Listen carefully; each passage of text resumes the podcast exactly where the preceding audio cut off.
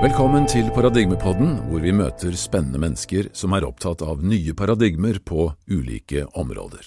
Mitt navn er Terje Toftnes. I dag så har jeg fått besøk av Jon Mansåker. Han er uh, sivilingeniør i bunn, men uh, han uh, har jeg blitt kjent med fordi han har både vært leder av Parapsykologisk forening i en årrekke. Unnskyld, selskap, som det heter. det er bra. Um, Dessuten så er han også redaktør av uh, det bladet, eller det magasinet, eller jeg vet ikke hva du vil kalle det, Jon, som, uh, som dere utgir flere ganger i året. Og jeg syns du har gjort en fantastisk jobb uh, med dette, denne trykksaken, som er utrolig informativ. Og Eh, I og med at du har vært med i eh, Parapsykologisk selskap i så mange år, så er det veldig eh, spennende å kunne få deg til å fortelle litt om parapsykologi som fenomen. Men jeg har lyst til å spørre deg først, for du er jo altså egentlig elektromann med bakgrunn i digitale, den digitale verden, og har vært med på den digitale revolusjonen helt fra de første telefonsentralene i Norge ble digitale på eh, tidlig 80-tallet. 70-tallet? ja, unnskyld. Ja, 70-tallet var det vel. Ja. men, eh, men, hva er det da som eh, gjør at en ingeniør blir interessert i parapsykologi? Det har ikke så mye med ingeniørvitenskap å gjøre. Jeg ble fascinert av Sånn filosofisk interessert. da. Og jeg leste en bok av Lyle Watson som het Supernature som eh, hadde en veldig bra beskrivelse av eh, hva han som feltbiolog opplevde hos, hos eh, folkeslag han traff, mm -hmm. av paranormale fenomener. Og skilte veldig godt mellom spekulasjon, egne ideer og det som var fakta. Og så var det bokliste bak, så begynte jeg å krysse av bøker, og så begynte snøbanen å rulle. Så det var egentlig filosofisk nysgjerrighet. Ja, Men når var dette? Det var eh, på en arbeidsreise på 70-tallet, på slutten av 70-tallet, hvor jeg plukket opp boka på en flyplass for jeg skulle ha noe å lese på. så siden det, så, så um, Fra 1980 så ble jeg medlem av eh, Norsk Parapsykologisk Selskap. Og så jeg har vært med og fulgt med på forskningen da siden det. Ja. Men hva er, hva er egentlig Norsk Parapsykologisk Selskap? Det er et selskap som ble stiftet i 1917. Eh, med samme grunnlag som det engelske selskapet Society of Psychical Research, mm -hmm. som var ledende når det gjaldt å forske vitenskapelig på disse rare fenomenene som man ikke kunne forklare med vanlig psykologi. Ja. Ok. Og det var, til å begynne med var det mange akademikere, ledende akademikere i Norge delvis. Så, og for eksempel eh, det var Oskar Jæger var den første lederen. Det var broren til Hans Jæger. Og han, mhm. eh, Oskar Jæger var grunnleggeren av sosialøkonomi i Norge. Så det var topp eh, akademikere. De var særlig interessert i det som var på moten på den tida, eh, spiritistiske seanser, mm. og finne ut hva som var juks, og hva som kunne være ekte fenomen. Mm -hmm. Men så utviklet det seg, og så ble det mindre forskning etter hvert. I dag så er det ingen aktiv forskning, verken i selskapet eller i noe universitet i Norge. Eh, så vi formidler forskningen som skjer andre steder. Mm. Men vi har eh, som formål å, å, formidle forståelse og kunnskap om fenomenene og forskningen på den. Nettopp. nettopp. Men dere har jo jevnlige møter uh, også? Ja, vi har møter en gang i måneden, åtte måneder i året. Mm. Og så har vi enkelte andre arrangementer også. Sånn som 1. oktober i år så hadde vi et lørdagsseminar om uh, finnes liv etter døden. Hvor tre forskere la fram forskning på det. Ja. Ja, nei, det, Jeg var jo på det seminaret, jeg må si det var, eh, det var veldig spennende. Også. Uh, forskere fra engelske universitet som, uh, som uh, da driver med dette på en, ja, en særdeles seriøs måte. Og når man gikk fra det seminaret, så var det vanskelig å ikke være overbevist om at virkeligheten er mye større enn vi aner, ja. for å si det sånn. Så, nei, så det var veldig, veldig moro.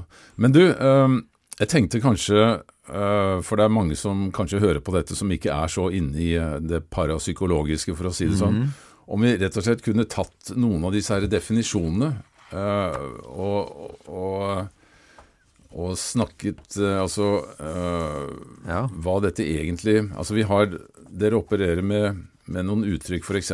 ESP og PSI. Kan du si litt om det? Hva, hva, Ja. betyr, hva E- står ESP for? ESP er engelsk forkortelse fra extrasensory perception. Ja.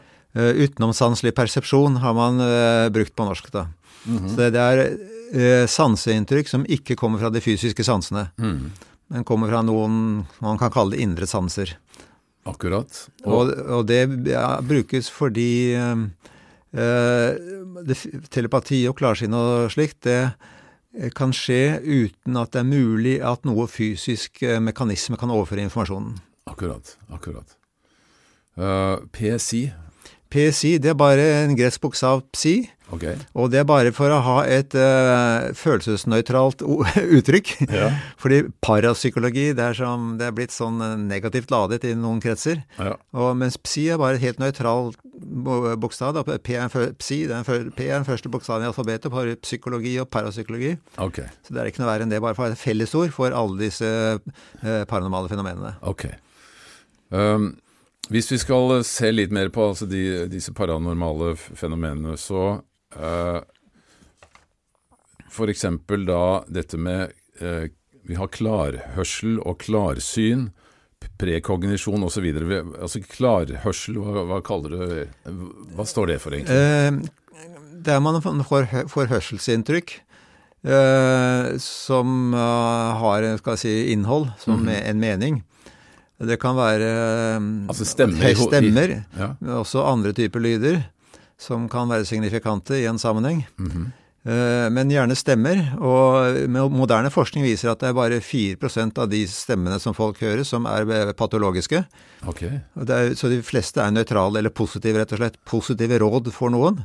F.eks. å løpe over gata nå, så, og så skjer det noe på det fortauet du var på rett etterpå. Akkurat.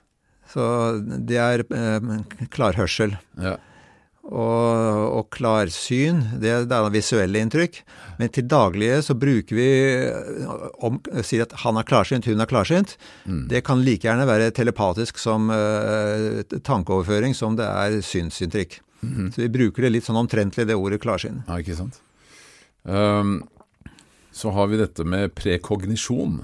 Vil du, hvordan vil du beskrive det? Det er eh, forutdannelser og sanndrømmer og inntrykk om noe som ennå ikke har skjedd. Ok.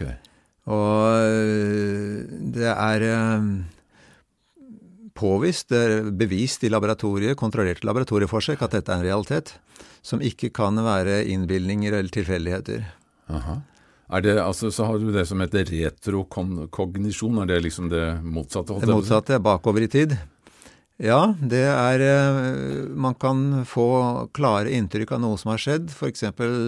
historien til en gjenstand. Mhm. At, øh, og, og det har vært tilfeller av det. Ja. så er det også folk som har opplevd eh, f.eks. at soldater med gamle uniformer kommer ridende over en åskam. Og, og så viser det at det er historisk korrekt at det var et slag på det stedet som denne personen Yes. ikke visste om. Yes. Så, så de blir blitt liksom transportert tilbake sånn, eh, når det gjelder sanseinntrykk. Og det Ja. må være indre sans, og ikke- det var ikke noe ytre sanseinntrykk. Akkurat. Ja, det, er, det er utrolig, ja. Ja. Um, hvis vi ser på nå har, nå har vi I de tidligere podkastepisodene her sånn, så har vi jo snakket veldig mye om nær døden-opplevelser. Og dette er jo også et eh, stort felt innenfor eh, parapsykologien, da. Så eh, ja, du har vel sikkert noe å, å kommentere der, fordi dette har du også skrevet mye om, så vet jeg. Ja. Ja, og det er eh, Du har eh, tre typer opplevelser når det gjelder dødssituasjonen. Det ene er nær-døden-opplevelser, hvor en person gjerne, når han er kritisk syk eller kritisk på, psykisk, opplever å bli legge ut på en reise. Mm. Det er veldig store variasjoner i selve detaljene, men typisk så reiser de gjennom en tunnel eller direkte til et sted hvor de skjønner at de nå holder på å krysse en grense. Mm. Hvis de fortsetter, så kommer de ikke tilbake. Og det kan være at de møter eh, venner eller eh, familier eh, som er døde. Og av og til så møter de en død slektning som de trodde levde. Mm. Så når de kommer tilbake fra den opplevelsen, de overlever jo disse med den nødopplevelsen, så finner de ut at den slektningen var død likevel. Akkurat. At han visste ikke om det. Så, og det er sånne veldig transformerende opplevelser at disse personene som opplever det, de mister all frykt for døden. Mm. For det oppleves som en positiv og, og, virkelighet som virker mer virkelig enn vanlig virkelighet. Og så eh, blir det mer, også en slags spirituell opplevelse. At de får sansen for ikke bare det åndelige, men eh, det hvordan man skal leve godt sammen med andre i dette livet, i resten av livet, Mm. når de kommer tilbake. Fra, og, så det har en, ofte en veldig positiv eh, virkning. Mm. Ja, det er jo veldig mange som rapporterer om disse Ja. tingene, og, og det er jo skrevet uh, hyllemeter med bøker om det. Sånn at uh, det er jo et fenomen som man altså man kan jo ikke avfeie det som uh, bare fabulasjoner og ha- hallusinasjoner. Nei, og det finnes ingen uh, forklaringer på det egentlig som er vanlig. Det er ikke eh, medikamentbruk som kan forklare det, som kan gi hallusinasjoner. Og det er ikke sykdomsforløp. Det er ikke trosgrunnlag. Det er ateister opplever det også, som ikke trodde på noe liv etter døden. Mm. Så, så det er eh, ingen av de vanlige standardforklaringene, som det i og for seg er veldig riktig å, å sjekke ut Mm. om, om, de kan anvendes. Ingen av dem gjelder, eh, er fullgode. Mm. Altså Vi snakket jo Jeg har snakket jo med hun, den amerikanske forskeren PMH Atwater, som har studert over 4000 sånne tilfeller. Og hun sier jo det at uh, en av de mest typiske tingene som folk opplever når de da får en sånn hjertestans, at de faktisk er døde, uh, er det at de får nesten litt sånn sjokk, hvor de sier at jøss, er jeg her fremdeles? Mens de da egentlig ikke skulle være det. Og hun har jo øh, ja, Hun forteller jo veldig mye om hvordan, hvordan hele dette denne systemet fungerer, da, hvordan hele dette konseptet er. Men, øh, men felles for alle de som har hatt nær døden-opplevelser, er jo at de er kommet tilbake igjen. Altså, Ja. ikke, altså Selv om de har vært døde en periode, så er de jo på en måte vendt tilbake til livet. Så det er jo øh, Det som kanskje er vel så interessant, det er å snakke med de som virkelig er døde. Eh, Ja. Og det, det var jo noe av det som ble tatt opp også på det ja. seminaret dere hadde. Kan du si litt om det, om den forskningen? Før det kan jeg si litt grann bare om at det er, noen, det er sånn som et delte dødsopplevelser, hvor folk som ikke er syke i det hele tatt, eh, plutselig eh, eh, opplever mentalt at det er, de får eh, besøk mentalt Mhm. av en døende person, og, som eh, inviterer dem til å være med på reisen. Mhm. Og vi hørte jo det på konferansen, at det var en norsk kvinne som uh, fikk, uh, fikk kontakt med sin mor, som hun trodde var døende. Hun visste var døende. Ikke sant? Og, og, og moren eh, vinket på henne, og så, hun sa, moren sa for øvrig at jeg, jeg trodde ikke på dette i det hele tatt. Men se her hva jeg fant. Bli med. Og så var hun med på sin, sin egen mors reise, som svarte mye til en uh, nær døden-opplevelse. Bare at hun var ikke nær døden i det hele tatt, hun var livsfrisk. Og så måtte skjønne at nå kunne jeg ikke reise med henne lenger. Og så måtte hun snu og komme tilbake. Så det er den delen. Så, øh, men du kan si at dette kan jo Det er ikke så sterke bevis for at det er liv etter døden, det er indikasjon på det. Mm. Men øh, det trengs mer til. Så snakket du om dette med å kommunisere med avdøde. At det fins Ja. også for de som virkelig døde. Ja. Og det har også vært forsket på. Og øh, man har to grupper. Det ene er spontane opplevelser som enkeltpersoner har, at de får kontakt med avdøde. Man kan se eh, halvparten av enker og enkemenn de har en, en vag eller sterk kontakt med sin avdøde ektemake. Mm. Eh, rett, gjerne rett etter døden, men kan også være en stund etter døden. Og det er eh, veldig overbevisende for de som opplever det. Men det er tross alt bare en opplevelse, det også. Mm. Som, hvordan skal bevise, det vet jeg ikke, men eh, det er så eh, sterke og, og ofte overraskende ting. Altså, det er ikke forventningsopplevelser heller. Det kan ikke være det. Og dermed så er det heller ikke hallusinasjoner. Så det er, eh, det er indikasjoner. ja. Men det, det man kan gjøre, det, når det gjelder medier, det er den andre gruppen med kommunikasjon. mm. Da eh, har man gjort eh, vitenskapelige forsøk eh, som er så blinde som, som man kan gjøre det. Dobbeltblinde, trippelblinde. Mm. Og da er det ikke noe visuell kontakt mellom mediet og, og den som sitter og ber om opplysninger. Mm. Så det er ikke noe sånn cold reading visuelt. Mm. Og så har man eh, tatt f.eks. tre-fire seanser med, med ett eller flere medier mot eh, tre-fire eh, sittere, som man kaller dem, som gjerne vil ha kontakt. Og så transkriberer man alt som er sagt, og så sjekker de, og så blander de, slik at det, eh, disse som har sittet der, de skal vurdere forskjellige transkripsjoner, forskjellige mediers uttalelser, og krysse av hvor mye som er riktig. Mm. Og den uh, informasjonen som gjelder dem, det kan ha 70-80 riktige uh, fakta. Ja. Mens uh, for, for, de andre så er det mye mindre, statistisk signifikant mindre som er riktig. 30-40% som kunne passet. Mm. F.eks. det er mange som heter William. Hvis det er en, de har følelse av en mann som heter William som døde av hjerteinfarkt, hjerteinfarkt mm. så kan det være mange. Men det er, man må regne statistisk på det, og da får man det er veldig tydelig forskjell. Det er signifikant. Så det er den beste bevis på at det er reell kommunikasjon. Så media har på et eller annet vis fått kunnskap som de ikke kunne ha fått på noen annen måte. Hm. Ja, det er helt utrolig. Ja. Men uh, igjen, dette er også skrevet hyllemeter med, ja. med, bøker på. Og jeg har jo også selv vært uh, med på en del sånne seanser hvor uh, ja, du blir veldig sånn Altså når du får eh, faktaopplysninger som du kan sjekke etterpå, og stemmer, ja. Og som, eh, som, det er helt umulig at, at, mediet selv kunne vite noe om, ikke sant? Det er, det er, da du virkelig får litt eh, gåsehud, ja. for å si det på den måten. Og det skal si at det, er jo mange, mange sjarlataner blant ja. mediene opp gjennom årene. Mm. Og en av oppgavene for parapsykologi er også å avsløre sjarlataner. Det er ikke bare skeptikere mm. som jobber med det. Mm. Men når man har eh, kutta ut alle sjarlatanene, så er det mange ærlige, ekte medier som mm. har disse inntrykkene som de viderebringer. Altså det er vel eh, Jeg har jo ofte tenkt sånn at øh, Kanskje det er sånn at mange starter øh, ut fra at de har faktisk en helt reell kontakt med avdøde. Og så øh, ryktes dette, og så begynner de å skal være å gjøre readinger for folk. Og så begynner de å ta penger for det. Og etter hvert så kommer de inn i et system hvor de er nødt til å håper si levere varene hver gang.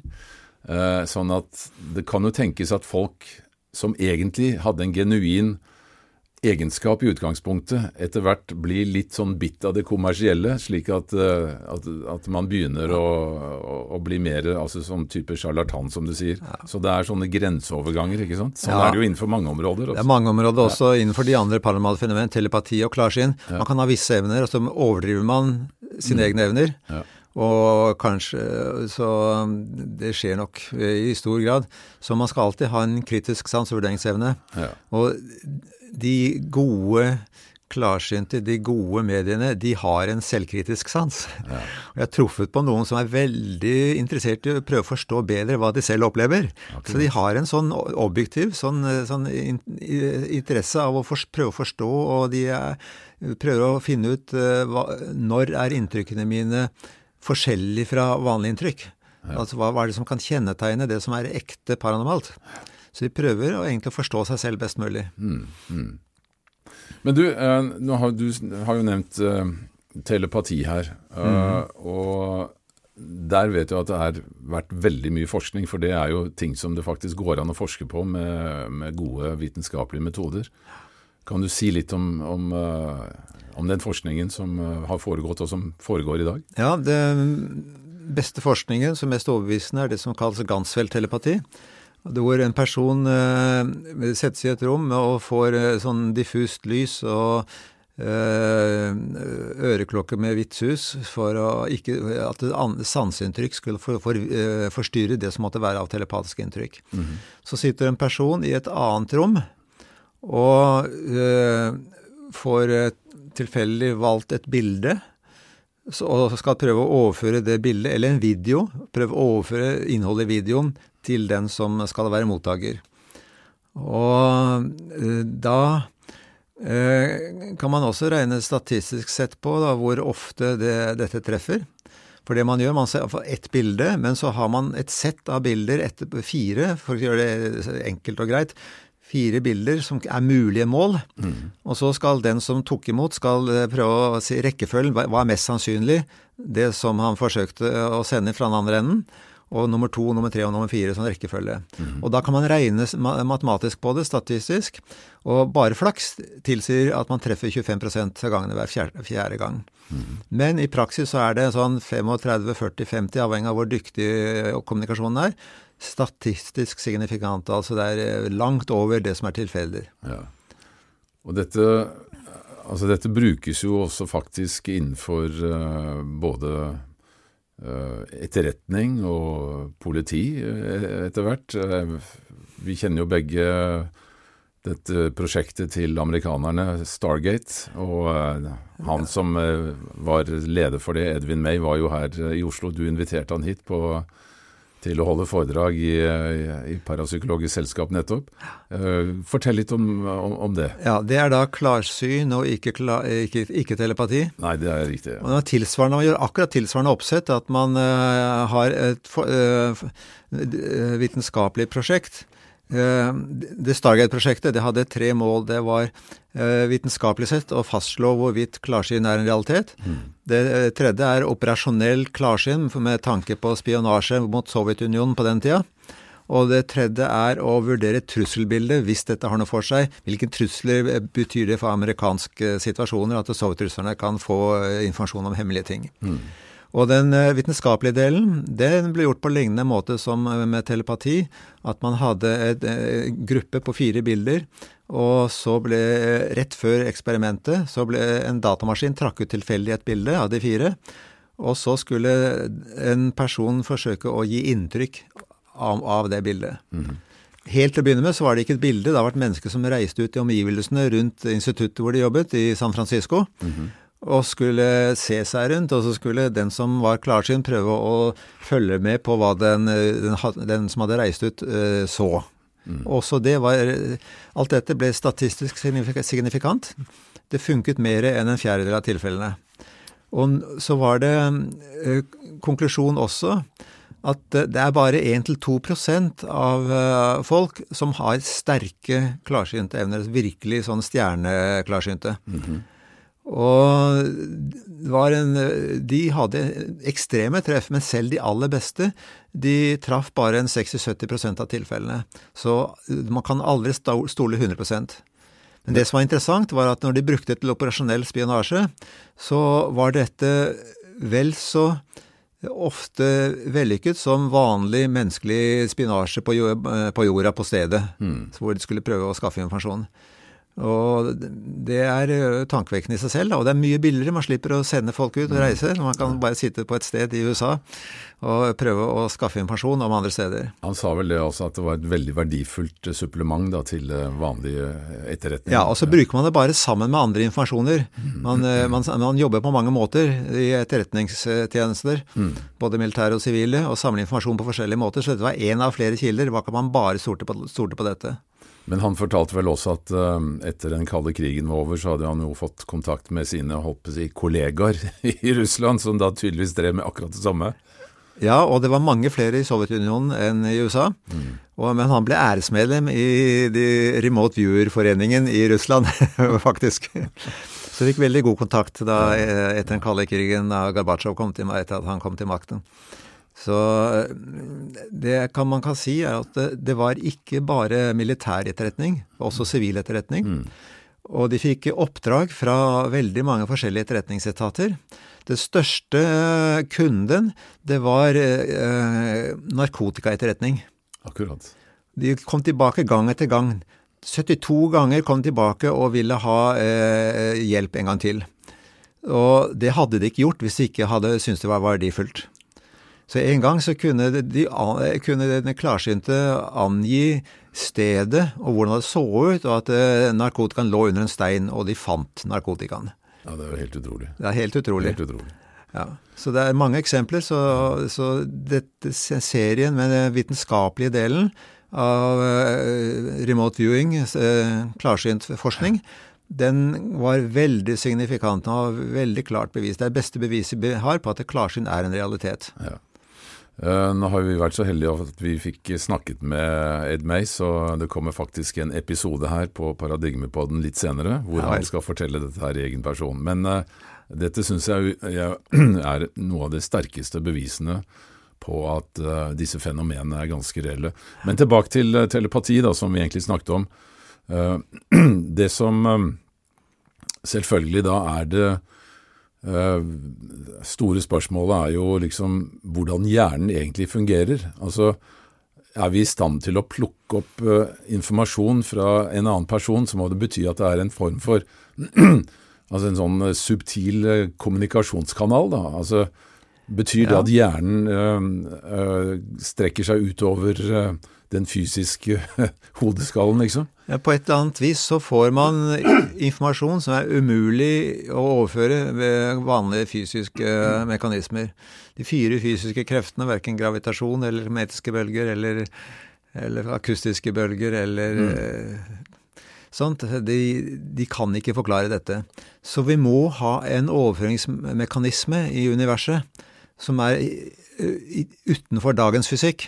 Ja. Så fysikken må utvides for å inkludere noe mer den skal, den skal, for at den skal bli komplett. Mm. Så dermed kan man heller ikke si at uh, hjernen produserer all uh, uh, bevissthetsaktivitet. Vi trenger en velfungerende hjerne, men den kan ikke generere alt det som skjer når vi tenker på de påviste paranormale fenomenene. Mm. Mm. Det, jeg vil gjerne komme litt tilbake til det etterpå. Men bare for å ta det Vi har noe som heter vardøger. Hva, hva er det for noe? Det er at uh, en eller flere oppdager at uh, de hører lyder, gjerne ved inngangsdøra, en kjente lyder. At en låser opp, tramper på uh, seg snø eller noe sånt og henger fra seg klærne. Mm. Og så skjer det ikke noe mer. Så går du ned og sjekker, så har det ikke vært noen der. Men 10-15-20 minutter etterpå så hører du nøyaktig de samme lydene, og da ankommer, ankommer personen virkelig. Yes, yes. Og det er, det er veldig spesielt. Og det er så vanlig. Det er så mange norske familier som opplever det. Ja. Og Vi sier det er den som ankommer, det er den som har varedøgere. Mm -hmm. Som, som for, forvarsel om at 'nå kommer jeg snart'. Akkurat. Og man må spekulere på hva det kan være, da, men det må være et eller annet sånn inntrykk som overføres fra den som ankommer, er på vei hjem f.eks., mm. og som blir overført og omformet i menneskesinnet hos de som er hjemme, til å produsere disse lydene. Mm. Og Det som er litt spesielt, er at i noen sjeldne tilfeller så er det mer enn én som hører lydene.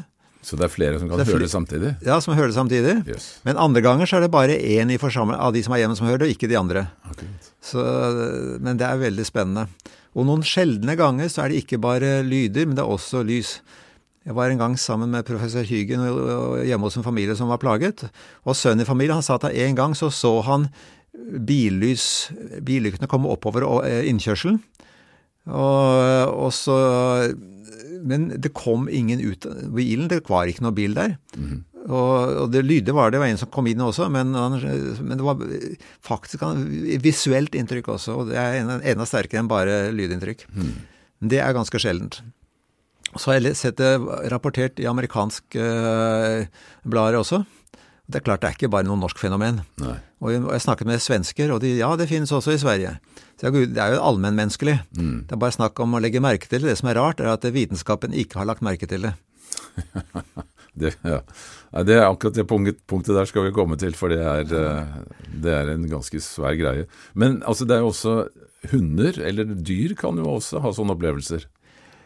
Ja, det Jeg vet jo at det har vært forsket på det at, at, dyr går og setter seg foran døra når eieren har bestemt seg for å reise hjem fra kontoret, eller hva det er. Ja. Uh, det var vel Rupert Sheldrake blant annet som har gjort sånne studier. Det var han som gjorde det først, ja. ja og, og, han, og ja, de tok opp uh, både videoopptak og, og, og lydopptak. Mm. Uh, og så at hunden satte seg i vinduet en stund før eieren virkelig kom hjem. På et eller annet måte så fikk uh, hunden uh, følelsen av at nå kommer den snart. Ja. Og så gjorde de noen forsøk, og det, det, det antagelig så var det Hun gikk til vinduet omtrent på den tida da best, eh, kvinnen bestemte seg for å komme hjem. Ja. Så det var en slags impuls på lignende måte som vardøger, impulsen. Ja, det er helt utrolig. Ja. Og det ja, og jeg har jo også, og Sheldrake er vel også og, og, og forsket på dette med at um, folk fikk fornemmelser at uh, de skulle ringe noen, Og så i det øyeblikket de tar røret for å ringe, så ringer vedkommende. Og jeg har selv opplevd det der med Jeg hadde en ganske sånn nær kontakt med moren min. Uh, og det var sånn nesten komisk. altså Hver gang jeg skulle ringe til henne, så ringte hun i samme øyeblikk. Altså Det var, ikke hver gang, da, men det var mye oftere enn det som hadde vært uh, tilfeldig. Nettopp. Og det er Rupert Scheller han fant på uh, dette eksperimentet. Og da skulle man finne tre-fire gode venner og så skal man gjennomføre et, et, et forsøk. At ved, en, eh, man skulle velge tilfeldig forsøk i et, et tidspunkt i et intervall. Mm -hmm. Og så skulle man velge tilfeldig hvem av de tre-fire som skulle ringe.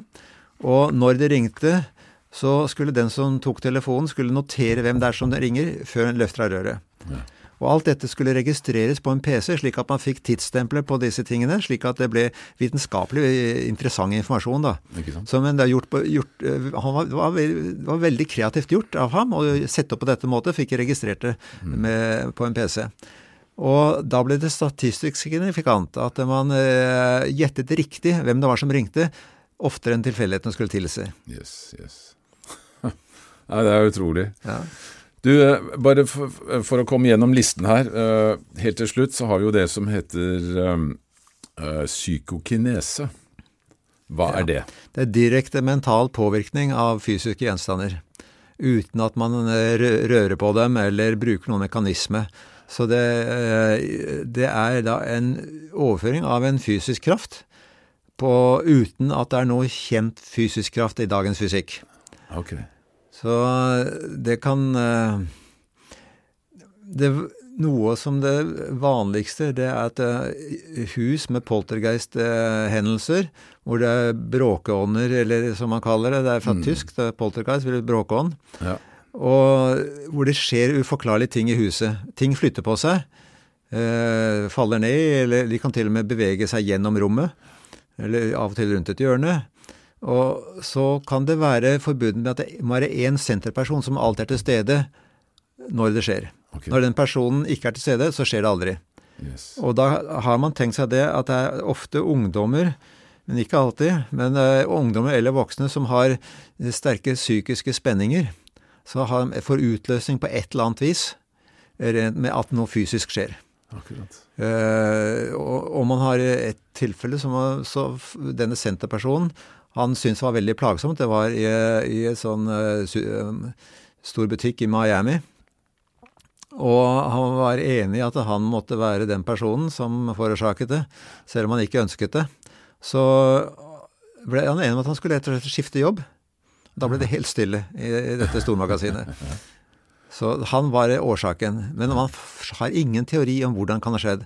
For denne overføringen av eh, energi til en uh, påvirket energi, det er Igjen, det er, man må ha en utvidet fysikk for, med, med mekanismer som ennå ikke er oppdaget.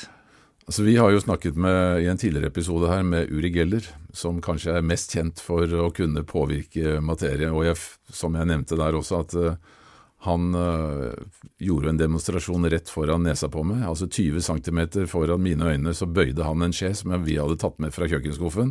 Og det var altså bare ved å stryke på den med fingeren ti ganger mens han lukket øynene og sa 'bend it, bend it, bend it' inni seg, ikke sant? Og det var så overbevisende at uh, altså, ja, det, det, var helt, det, altså, det var ingen tryllekunst. Det kan jeg i hvert fall si med 100 sikkerhet. Så det, men han har jo vært ganske godt uh, undersøkt også på, det, på vært gjenstand for ganske inngående forskning. Da. Ja da, og både av forskere og av tryllekunstnere. Ja. Og flertallet av tryllekunstnere sier at dette kan ikke forklares som tryllekunst. Det er ingen triks. Det er så tydelig det han gjør, så lett å se. Så de, de vet ikke hvordan man skal gjenskape det som en tryllekunst. Så er det andre tryllekunstnere som ikke har undersøkt ham så nøye, som vil hevde at det er juks på et eller annet vis. Mm. Jeg har hjemme en, en teskje som en åtteåring i Norge, i Gudbrandsdalen, har bøyd mer enn 360 grader rundt, altså yes. halvannen gang rundt. Ja. Og, og, det bare skjedde, og moren sa at vi har skuffen full av sånne bøyde ting. og i det, men i det hjemmet var det også at det skjedde sånn eh, andre psykokinese-ting. da. Mm. De opplevde at de kunne se at et glass bare for, forsvant ble dratt ut av eh, hylla og gikk i gulvet og knaste. Mm. Selv om det ikke var noens hånd i nærheten, ikke noen mekanisme. Så, så det, han hadde flere evner, kan du si. da. Ja. Men, eh, så det er, noe, det er noe rart nå som vi ennå ikke har skjønt. og vi har vi har skjønt hvordan en, et metall kan bli mykt, og, og det kan snurre seg rundt at det, og, eh, det, er, mm. det er mye spennende å utforske fortsatt. Altså. Det er det. Og vi har jo hatt en TV-serie uh, gående i mange år, 'Åndenes makt'. Uh, og jeg var på et foredrag med han uh, Tom Strømsnes, Ja. ikke det han heter? Ja. Som, eh, ja, det var jo faktisk på 100-årsjubileet vel, til eh, Parapsykologisk selskap. Det var du som hadde fått tak i han. Men, eh, men han hadde jo veldig mange historier. men jeg husker spesielt en historie som jeg også har kopi på en kopi av på video, hvor det var denne Det som het Statoil de, den gangen, den Statoil-stasjonen oppe på i Holtdalen, rett nord for Røros, altså mellom Røros og Hessdalen, faktisk. Hvor eh, det var en eh, eier som hadde hatt den i mange, mange år. Du kjenner sikkert den historien godt, du også. Og så hadde denne eieren da eh, ja, gått bort. Og det var et ungt par som hadde overtatt bensinstasjonen. Og det som skjedde, var at uh, veldig ofte når de kom på jobben om morgenen, så var alle støpslene til datamaskinene trukket ut. Og eh, de opplevde sågar at eh, en morgen altså, Og de begynte etter hvert å tro at det hadde vært innbrudd, men det var ingen tegn til innbrudd. Og så hadde de da for, sikret seg med enda mer låsemekanismer, og så kom de på, eh, på jobben da en tidlig morgen, og så var det noen da som hadde stablet eh, eh, masse bruskasser etter hverandre. Brusflasker. Brusflasker, eh, og brus, også bruskasser gjennom hele eh, bensinstasjonen, uten noe synlig tegn til innbruddet, ikke sant. Og da var jo eh, åndenes makt der oppe, da, og for å, å intervjue de og filme de, og det ble en ganske, veldig spennende episode. Men det skjedde jo ikke noe akkurat når de, mens de filmet. Men det som han Tom fortalte, var at eh, etter at de hadde slått av kameraene og satt og, og drakk kaffe og spiste noe wienerbrød, så plutselig så sa det poff, og så gikk strømmen. Og så gikk de ut, og da var alle sikringene i sikringsskapet, altså alle automatsikringene var slått av. Eh, og det Altså det kunne ikke skje bare ved, ved et elektrisk støt, liksom, for da ville bare hovedsikringen ha gått, ikke sant. Ja. Mens alle de der var Altså De hadde jo en sånn rad med masse sikringer som, som da, da var slått ned. Ja. Så han sa at Ja, du husker jo godt uh, dette. Men uh, ja, hva syns du om denne episoden, eller om det som han Strømsnes fortalte? Ja, jeg syns det er veldig eh, sterkt tilfelle, så hvor man ikke kan finne noen vanlig forklaring på. Mm. Så det, så det Noe rart har skjedd. Og det har vært eh, intelligens og ikke bare tilfeldige fysiske krefter. Men stiller opp brusflasker etter hverandre bortover et gulv. Mm. Eller slår av mer enn én sikring om gangen. Ikke sant? Så uten at hovedsikringen går. Så, så er det et eller annet sånn intelligent oppførsel Mm. som er årsaken. Og så det styrker jo eh, teorien om at eh, det må være en eh, mental til stede, eh, en eller annen form for bevissthet, Mm. som gjør dette. Og du var jo eh, innpå, bare sånn helt til slutt, for når vi går gjennom alle disse her fenomenene, skal vi snakke om masse andre ting etterpå, men du nevnte jo dette med poltergeister, og, og da er vi jo inne på dette med spøkelser og spiritisme og alt det der der. Eh, vi må nesten kommentere litt det også. Hva, hva, hva kan du si sånn om det området der, da? Eh, Det er mange troverdige tilfeller altså ved hjemsøkte hus, da, som nettopp er åndenes makt, Ja. de, eh, hvor man ikke kan finne eh, noen naturlig forklaring. Og det er både hørselsinntrykk og synsinntrykk. I noen tilfeller er det synsinntrykk også. Mm. eh, og med, av gjenferd. Så det er et av indisiene på at det er et liv etter døden, og at det er noen som eh, på den andre sida, som ikke er helt ferdig med denne sida. Mm. Ja, for det var vel det de mente. altså på den. Unnskyld at jeg avbryter, men på den bensinstasjonen så fikk du da inn et medium som da mente at det var den forrige eieren, som da var død, Ja. som da ikke likte at de hadde installert nytt datautstyr, blant annet. Som, fordi han hadde aldri, han har liksom bare brukt den gode gamle metoden med kassaapparat. Men når de hadde kommet med dette nye datautstyret, så trakk han ut ledningene hele tiden, mente hun da. Ja. Ja, disse klarsynte eller sensitive, de, de får visse inntrykk, da, som eh, k- k- kontakt med, med det som oppfattes som avdøde sjeler. Mm. Og de kan ofte gi veldig personlig informasjon til de som bor der. Ja. I et hjemsøkt hus, eller på denne bensinstasjonen, så var det antagelse, det var en person. Og, men også hvis det er et privat hus, så kan det være veldig personlig informasjon. Det kan være en avdød person i familien som eh, den sensitive opplever og får inntrykk fra, og formidler. Og jeg vet at det har vært så private inntrykk så at, eh, og informasjon at uh, TV Norge ble enig med familien at den delen tar vi ikke med i programmet som ble sendt ut. Okay. Så det, var, det er tilleggsinformasjon som er, som er ver verifiserbar, da, og som er så privat at de ikke ville sende den. Så, så det er uh, en av, et av indisiene på at det finnes et liv etter døden, ja. Nei, altså dette er jo så mange uh, områder som vi har snakket om nå, hvor eh, det er sterke indisier. Men igjen, eh, dette er jo veldig vanskelig for, eh, skal vi si, eh, vitenskapen da, å ta eh, seriøst, fordi det er, også fordi det er vanskelig å forske på. Så, men altså, hva, hva mener du, hva er årsaken til at dette ikke si, har blitt en del av vår etablerte oppfatning av hvordan virkeligheten er. Altså, vi lever jo tross alt i det 21. århundre. Vi, kan, vi har smarttelefoner som gjør at du med et tastetrykk kan snakke med en person på den andre siden av jordkloden momentant. Men alle disse tingene som vi nå har snakket om, som da tydeligvis er altså reelle fenomener, for det er umulig å tilbakevise dette som bare sludder, ikke sant? Hvorfor blir ikke dette tatt inn i forskningen? Altså, ja. Det er fordi eh, vi er veldig preget av naturvitenskapelig forskning i vårt verdensbilde. Og eh, naturvitenskapsfolk de må tenke over at eh, deres gyldighetsområde er begrenset til det fysiske. Det er ikke dermed sagt at det hele universet er fysisk.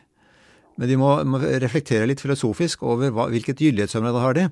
Og fysikerne har aldri forsøkt å inkludere bevissthet i sine teorier. Så hvordan kan vi påstå at bevissthet er bare fysisk generert? Det har aldri det vært med i fysiske teorier som påstår det. Men Det man antar, det er en tros eh, a priori antagelse, som man sier, som man ikke diskuterer. Det et Så det blir et dogme. Et dogme, nettopp. Og så det materialistiske dogme, det, det stenger for åpenhet og nysgjerrighet hos vitenskapsfolk. De tror det ikke er mulig, og da må det være juks.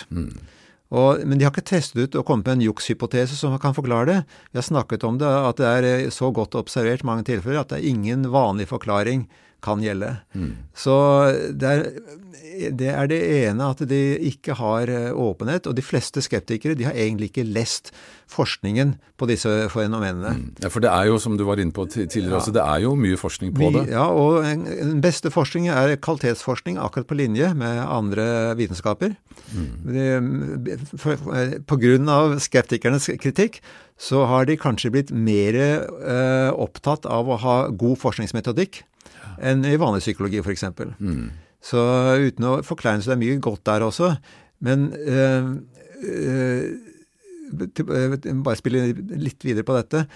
Eh, parapsykologien er faktisk, pga. kritikken, så har de vært eh, pionerer på å utvikle eh, sammenfallende analyser av flere forsøk, metaanalyser, i, so, i, i sos, sosiale vitenskaper. Okay. Mye mer enn i psykologi. Og det er helt vanlig i parapsykologiske forsøk at det blir gjentatt og i flere laboratorier med flere forsøksledere. Det er ikke vanlig i vanlig psykologi på, i, samme, i samme grad. Okay. Så vi ligger langt foran van, mange andre sosiale vitenskaper når det gjelder bruk av statistikk og, og forskningsmetodikk. Ja, det er interessant. Så, så det er det ene. Men hvorfor naturvitenskapsfolk er så negative, det er fordi de har et materialistisk verdensbilde. De tror at eh, alt bare er fysisk, eh, og det er trossak. Og så er det av og til da De har følelser, de også. Alle mennesker har følelser. Eh, hvis de tror at fy søren, vårt verdensbilde faller jo sammen hvis dette, ikke, hvis dette her stemmer, at telepati og klar generelt. Mm. Det blir redd kan en annen lese mine tanker? Ikke sant? Og, og dermed så kommer følelsene fram. Og, så, og noen folk at, tenker at fy søren, det jeg har forsket på, faller hele min karriere i grus, liksom. At det faller dette vitenskapen i grus. Men det er en sånn, også en sånn kortslutning uten noe særlig filosofisk ettertanke. For så langt som man har kommet med fysikk, så gjelder det jo. Ja. Ikke sant? materielle virkeligheten er der like fullt. Du bør ikke forkaste alt det. Nei, så, så jeg syns man burde ha mye mer avslappet forhold til eget verdensbilde. Mm, mm. Og vitenskapen har forandret verdensbildet så mange ganger. Forandret forståelse innen vitenskaper og innen verdensbildet. Mm. Så man burde vite at det, det vi i dag forstår, det er ikke den endelige sannheten. Ikke sant. Så, så, jeg er litt forbauset over at det er såpass dogmatisk skeptisisme hos så mange. Mm. Men uh, en ting da, Mens informerte skeptikere de ser at det er høykvalitetsforskning. Så de diskuterer ikke fenomenene lenger, telepati og klarsyn, men bare forståelsen av tolkningen. De håper på at i framtida skal vi finne en, en, en, mekanismer som ennå ikke er oppdaget, som skal kunne forklare disse på vanlig måte. Så det kan fremdeles ja. bevares innenfor det fysisk-materialistiske ja. paradigmet, liksom? Ja. ja. Men, eh, men, nå snakker vi jo om, uh, altså seriøst, veldig mange at Uh, vi er nødt til å Altså at det materialistiske paradigmet er i ferd med å slå sprekker. Og det er jo alle disse fenomenene som vi nå har snakket om, er jo da tydeligvis sprekker i den skal vi si, fysisk-materielle forståelsen av verden. Og at vi uh, sakte, men sikkert nå beveger oss over i en sånn såkalt postmaterialisme. Uh, vi hadde jo også en episode her hvor uh, han statsviter Dag Andersen sier at vi beveger oss fra den fjerde kulturepoken, som er materialistisk, over i den femte kulturepoken, som da vil inkludere Altså som vil begynne å få bevissthet da, inn i ligningene, for å si det på den ja. måten. Og dette er jo noe av det som jeg syns er så utrolig spennende. Altså at vi er på vei inn i en postmaterialistisk uh, epoke. Og du har jo også skrevet en veldig bra artikkel om det, som, hvor du refererer til denne altså det er vel den, den, den foreningen som heter Sci... Ja. Scientific and Medical Network. Nettopp. Dere hadde jo en, en konferanse for ikke så lenge siden hvor, hvor, det var mange fremstående både forfattere, filosofer og også folk som har hatt nær døden-opplevelser, som nå prøver å etablere en, en plattform på, på, hvordan man kan skal vi si, få bygget dette her inn i både ja. vitenskapen, men også i, i, i allmennkulturen. ikke sant? Nettopp. Og så er det også andre fenomener enn de vanlige paranormale som peker på at vi trenger en postmaterialistisk forståelse. Mm. Uh, et annet fenomen som er interessant, er at uh, noen mennesker har det som kalles et vannhode, hvor en stor del av hjernemassen er erstattet av hjernevæske. Ja. Og det er et eksempel som er litt spesielt. At det er en person han, i England, var det vel, hvor han uh, bare hadde noen millimeter med, med Cortex med, uh, igjen. Fast masse? Ja, fast masse, og resten var vannhode. Han hadde normal intelligens og tok universitetsgrad i matematikk. Yes, så, så, han levde som et vanlig menneske. Ja. Og det er helt uforklarlig ut ifra vanlig nevrofysiologi. Ikke sant. Så, så, det er andre fenomener. Man også kan si Noe som er uforklarlig, er jo f.eks. disse autistiske savantene. De som, eh, som, har helt spesielle evner. Enten det mm. nå er ekstrem hukommelse, eller så plutselig kan eh, sette seg ned og begynne å spille piano ennå aldri fått noen opplæring. Ja. Kan spille Rakhmaninovs konsert som de hørte kvelden i forveien. Ja. Det, det, ligger jo faktisk en del sånne på, Det ligger vid videoer ute på det, så, så, det er også noe som er uforklarlig rent uh, nevrofysiologisk. Ja, det var, det var, en som var helt mind-blowing. Det var det jo en, altså en, som ikke, en gutt som ikke hadde snakket Aldri hatt språk. Og, og, og når han var da 15-16 år gammel altså han var, han var nærmest en plante. Så setter han seg plutselig til piano og begynner å spille klassiske stykker uten noter, ikke sant. Og han, tror, han kunne vel ikke se heller, tror jeg. Han var blind også. Eh, ja, vi tenker på samme person. ja. Det kan være at han var blind også. Han, ja. ja. Det var helt, altså, det var helt, helt utrolig. Helt ubeskrivelig. Ja. Han var vel iallfall sterkt svaksynt. Ja.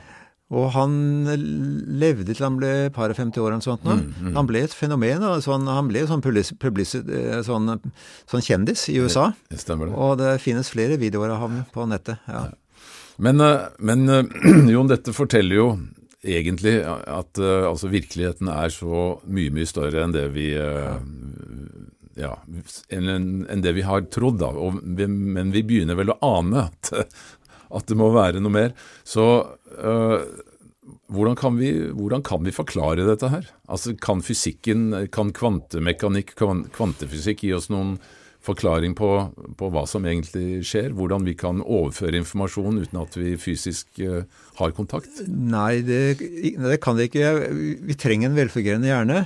Men vi trenger også velfungerende TV for å se TV-programmer. Ja. Det er ikke samme som at TV-en genererer programmet. Nettopp. På samme måte så kan det være at vi trenger velfungerende hjerne, men at det er noe annet. Bevisstheten er noe mer enn bare hjernen. Og Så vi må ha et helt åpent syn. og vi har en forklaring, sånn som vi ser det, det er, som, det er en fysisk forklaring. Mm. En forklaring som ikke er fysisk forklaring, det er ikke en ordentlig forklaring. Sånn tenker svært mange. Ja. Ja. Så, så, så, hva er en forklaring? ja. Men vi må få beskrivelser, prøve å forstå uh, måter å forstå dette på. Og det er en store utfordring framover. Og det man Det er en veldig god bok om uh, parapsykologi som Terje Simonsen har skrevet. 'Våre skjulte evner'. Den er nå utsolgt fra forlaget, finnes på engelsk, og fått strålende kritikk av engelske parapsykologiske forskere, eh, engelskspråklige. Ja.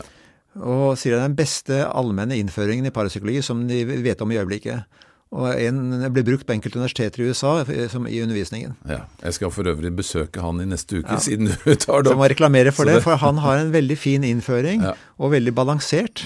Og skriver på en eh, veldig godt og lettfattelig, litt humoristisk med et glimt i øyet. Mm. Så, så, den kan anbefales. Men eh, vi må få en annen Akseptere at dette er en del av virkeligheten. Mm som ikke er observerbar direkte med instrumenter, men som vi opplever gjennom bevisstheten. Men, vi, har ikke, vi, har mørk materie og mørk eh, eh, energi mm. som man ikke kan håndtere i fysikken, men som fysikken sier må finnes. Ja, For ellers så går ikke ligningen opp. Så det jo... Ligningen om universet, kosmologien, går ikke, opp. Ikke sant? Og man kan si det samme om bevisstheten. Vi kan observere at den finnes, men vi kan, vi kan ikke måle den enda. Mm. Mm. Men alle vet vi jo at vi har bevissthet. Ja, det er vi sikre på. Ja. Vi, vi, alle har det, men vi vet ikke hva det er. og vi vet heller ikke hvor det sitter i kroppen. Uh, vi mener jo at det må være altså uh, Medisin sier jo at dette er jo, det oppstår jo i hjernen da, på et eller annet tidspunkt i fosterutviklingen. Ja, det er den, den forståelsen som medisinen har hatt. Ja. Mens Rupert Sheldrake han er blant de som fremmer at vi kan se på bevisstheten som et, et felt. Mm -hmm. og, og, og, kanskje vi kan uh, tenke oss at det et utrolig nettet av uh, telepatiske og andre påvirkninger vi har, kan peke mot at vi, at vi har et utrolig nettverk av bevisstheter i, i universet. Mm -hmm. Og eh, min bevissthet den kan like gjerne betraktes som et felt som strekker seg så langt som jeg sanser i øyeblikket i øyeblikket så bevisstheten min den er der hvor jeg sanser. Okay. Det er Rupert Schellek som hevder at dette er en naturlig måte å se det på. Ja. Det er umulig å tenke seg at jeg skal danne et bilde inne i hjernemassen av alt det som er der ute. Et mm. slags mikroskopisk bilde. Ja. Hvordan skulle jeg få plass, og hvordan skulle jeg, eh, hvordan skal finne plass til det? Hvordan skal tenke seg at det kan konstrueres av det, slik hjernemassen er. Mm. Så, så, jeg syns det er sympatisk i øyeblikket, inntil vi får en bedre sagt, da, kanskje er det arbeidshypotese. Mm. La oss anta at hjernen er et slags bevissthet, nei, bevisstheten er et slags uh, felt, akkurat som er gravitasjonsfelt. Man snakker vel også om at uh, Eller elektromagnetiske felt. Ikke sant? Men at, at hjernen er nærmest som en slags reduksjonsventil for, en, for bevissthet. Altså at bevisstheten er altomfattende, men at vi for å kunne ha en sånn dagbevissthet, så må vi mm. på en måte redusere den ned til et uh, omfang som vi kan håndtere liksom i vår fysiske del av verden. Uh, ja, Er det en måte å se det på? Jeg er litt usikker på det. Jeg tenker meg at En ting er at vi har et sanseapparat som heldigvis ikke tar inn alle lysfrekvensene. Mm. Alle elektromagnetiske frekvenser, bare det som vi kaller lys. Jeg er veldig glad for at vi slipper å ta hensyn til alt det andre. Og at vi slipper å høre alle telefonsamtalene som er på ja, og, og, og kjenne elektromagnetiske stormene på kroppen. Ja. Så, eh, men det kan tenkes at bevisstheten er det den er. Eh, vi har en underbevissthet, riktignok, som er kanskje er vel så stor som bevissthet-delen av mm. oss.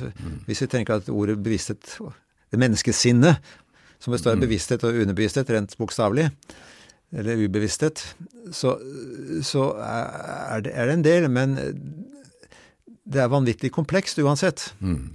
Det er det. Og vi, Og det viser jo bare vanlig psykologi, at menneskesinnet er utrolig komplekst. eh, jeg snakket med en eh, forsker som eh, sa det at vi har jo det som heter AI, altså Artificial Intelligence. Kunstig intelligens. Kunstig intelligens, intelligens, som vi driver og jobber med nå. Men han sa det at eh, vi burde egentlig være vel så opptatt av det som man kaller for NI, altså Natural Intelligence. ja. Fordi det er uh, Ifølge han så, så er det altså så mye mer intelligens i naturen og i, altså i mikroverden. Altså bare altså alt fra mikrober, sopp, uh, parasitter, uh, insekter osv. Altså, for ikke å snakke om våre egne celler og, og vårt eget mikrobiom. Ja. Altså Når vi begynner å tenke på hvordan alle disse systemene eh, jobber i en eh, fantastisk eh, balanse, ikke sant? og hvor utrolig komplekse sånne systemer er, så er det jo helt utenkelig at dette skulle bare være sånn drevet av noen primitive instinkter. ikke sant? Det må jo være en helt vanvittig form for bevissthet som klarer å, å koordinere alt dette her som skjer, både inni kroppen, men også ellers alt i naturen. Det, det virker jo så Ja. utrolig perfekt. ja. Ja. Det, om det ikke er perfekt, så er det iallfall utrolig komplekst. Ja. Så bare hvordan eh, Når et sår gror, at det, det formeres nye celler i akkurat riktig antall for å dekke arret. Mm. Og at det stopper opp der, at det ikke fortsetter å gro. Ikke sant. Så det, er, det, er, eh, og, nei, så der ligger en form for intelligens, enten det nå er eh, basert på kjemi eller fysikk eller bevissthet, Mm. så, så, så er det enorm intelligens. Er det som Men jeg tenker også på altså, hukommelse. Eh, vi vet jo hvordan en harddisk fungerer.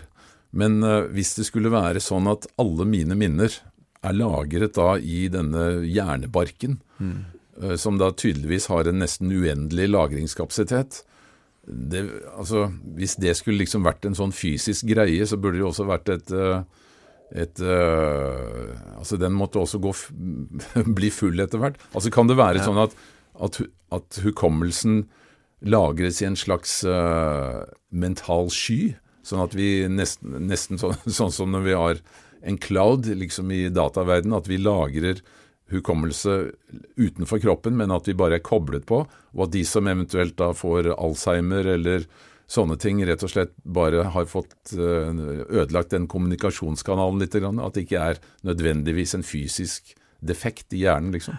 Det, det kan være. Eh, man har enda ikke lykkes å finne minnespor i hjernen egentlig, hvor hukommelsen egentlig er lagret.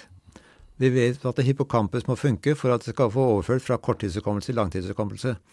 Men vi vet, eh, man har enda ikke lykkes i å finne ut hvordan hukommelsen fungerer fysiologisk, nevrofysiologisk. Så det er et mysterium. Så kan godt tenke noe helt annerledes når det ligner det du sier. At det er, og hvis man tenker da på muligheten for liv etter døden, og små barn som opplever å ha levet før, og det blir verifisert når man identifiserer den personen barna har opplevet før, så, så må det være hukommelsen som ligger et annet sted enn i hjernebarken til det lille barnet som ikke har opplevd så veldig mye her i verden. Så, så ja, det er et godt spørsmål. Der jeg kan godt gjerne ha teorier om at eh, bevissthet er øh, eh, et annet sted primært enn i hjernen, selv om vi opplever at vår hverdagsbevissthet er knyttet til hjernen veldig sterkt. Men du, eh, til slutt, eh, Jon. Jeg vet jo at du har vært borti veldig mange forskjellige historier. Og eh, har du noen som eh, du kunne tenke deg å dele med oss? Som, er, som gode eksempler på disse paranormale fenomenene. Du har jo nevnt noe allerede, men har du noe, Eh, når det gjelder poltergeist, poltergeist, -hmm. så har jeg lyst til å trekke fram e- en eh, historie i Norge. Og det er barnehagene i Lalm i Vågå, Ja. som i 2011 hadde noen måneder med forstyrrende opplevelser. Og det var veldig mye rart som skjedde. Det var uh, gjenstander som beveget på seg, og av og til kunne de falle ned på gulvet med et brak, av og til lydløst. Og så, når noe faller på gulvet, så kan det rulle seg, men av og til så var det som om det var limfast. De bare Oi. satte seg på gulvet, og så var det der. Og Det spratt ikke opp, liksom? Nei, og så var det noen som observerte at en, en dør til et skjul ble låst fra innsida mens en person med nøkkel sto et par meter ifra. Yes. Og, så det skjedde ting der, og ting beveget seg på en måte som ikke var eh, som ballistisk kule, men som det var intelligent bevegelse. Mm. Og det ble laget noen mønstre, og det var Vågå kommune fikk eh, eh, professor i nevrofysiologi eh, Kjell Flekkøy Mm. til å komme og undersøke. Han snakket med alle voksne som hadde observert noe. Mm. Ikke med barna, men eh, med alle voksne. Og det var veldig mange tilfeller hvor det var to, minst to vitner. Mhm. Slik at uh, her var det det er best dokumenterte tilfellet i Norge, det holder høy standard altså internasjonalt, av at uh, poltergeist-tilfellene er uforklarlige ut ifra vanlig forståelse. Så den er veldig sterk. Mm. Ja, det er jo helt utrolig. Ja. Men vi har jo også hatt eh, noen veldig kjente norske medier. Jeg tenker på hun eh, Anna Elisabeth Westerlund, Ja, blant annet. Som, uh, hun ble jo faktisk brukt av uh, politiet til å prøve å finne personer som var bortkommet ja. osv. Hun- og hun stilte opp. Det var særlig bergenspolitiet som hadde kontakt med henne, tror jeg. Ja. men også brukt av enkelte andre. Så øh, hun hadde, hadde veldig sterk klarsyn, det er opplagt, ut ifra de andre, alle vellykkede tilfellene. Mm. Så det er helt klart. Og det er mange medier også. Marcello Haugen var Ja, veldig sterkt klarsynt. Jeg skulle akkurat til å nevne han, ja. Ja, det, det går ikke an å, få, å beskylde dem for juks, for de, de, bare, de fant jo ting. Mm. De fant personer. Og øh, Marcel Haugen kunne forklare hva som hadde skjedd med en person, og, og hva slags urter eller medisiner burde ha. Mm. Han samarbeidet med enkelte leger, akkurat som Snåsamannen, som stort sett drev med healing. Han var klarsynt nok til at han visste når han ikke, ikke var hans sak, og fortalte en pasient, kunne fortelle en pasient du gå til legen og be ham undersøke kneet ditt. Mm. Uh, sånne ting.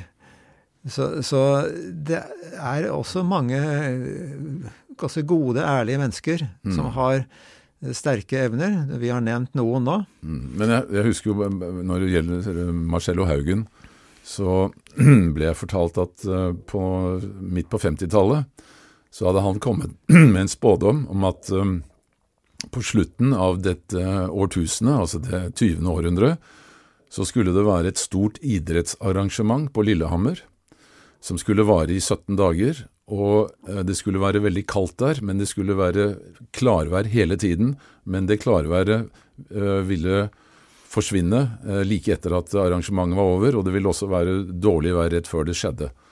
Og altså I 1994 hadde vi da OL som var akkurat sånn som han hadde beskrevet det, altså nesten 50 år før. Så det jeg altså, så, Det er jo helt vanvittig. Men altså, det finnes jo det finnes jo veldig mange medier, nå har vi nevnt noen. Men jeg tenker også på sånne internasjonalt kjente medier som f.eks. Edgar Casey. Ja. Som, eh, kan du fortelle litt om han? Han øh, var øh, veldig spesielt begavet da, allerede som barn. Så han oppdaget en gang han For dette var jo på 40-tallet, 30-40-tallet i USA? Ja, 30-40-tallet, så, ja. så han var veldig sterkt, kan si, klarsynt. Og, men han ga mange slags spådommer også.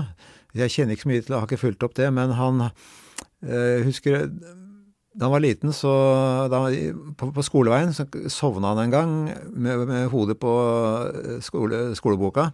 Så ble han hørt i leksa, og så kunne han alt fordi han, hadde ja, det som sto i den boka. Så han fikk kunnskapen i boka mens han lå og sov. Ikke sant? Og eh, han hadde klarsyn når det gjaldt eh, diagnos, diagnose, hva som feilte folk, og kom med forslag til eh, hva man skulle gjøre, hva slags terapi, hva slags kosthold, hva slags urter man kunne bruke. For han hadde vel, det var vel nesten altså, over 10 000 sånne ridinger. Han lå, Ja. han lå jo stort sett på sofaen med lukkede øyne og kunne stille Og han gikk i transe, Ja. så han var ikke bevisst etterpå hva han hadde sagt. Ikke sant? Så det var folk rundt ham som måtte notere, hadde stenograf som noterte. For det er jo veldig godt dokumentert, da, det Ja. tilfellet hans. Det arkivet finnes fortsatt. Mm. Det var hans sønn som overtok til å begynne med. Jeg vet ikke hvem som driver det akkurat i øyeblikket, så det er et veldig godt arkiv. Så det er ekstremt eh, troverdig, det som eh, skjedde rundt ham, og alle de personene han hjalp. Men så har vi jo også alle disse mediene som, eh, som da mottar informasjon og beskjeder fra mer sånne okkulte kilder, eller oppstegne mestere, eller avdøde personer, ikke sant. Uh, og det finnes det jo også utrolig mange bøker om, og vanvittig mange historier. Og noe av dette kan, kan dobbeltsjekkes. Og jeg må fortelle veldig kort, jeg var jo i kontakt med norske medier som heter Rita Eide. På, altså rett etter at prinsesse Diana døde i 97, så mente Rita at hun hadde fått besøk av henne hjemme i stua og at hun ga henne beskjed om at hun skulle skrive en bok.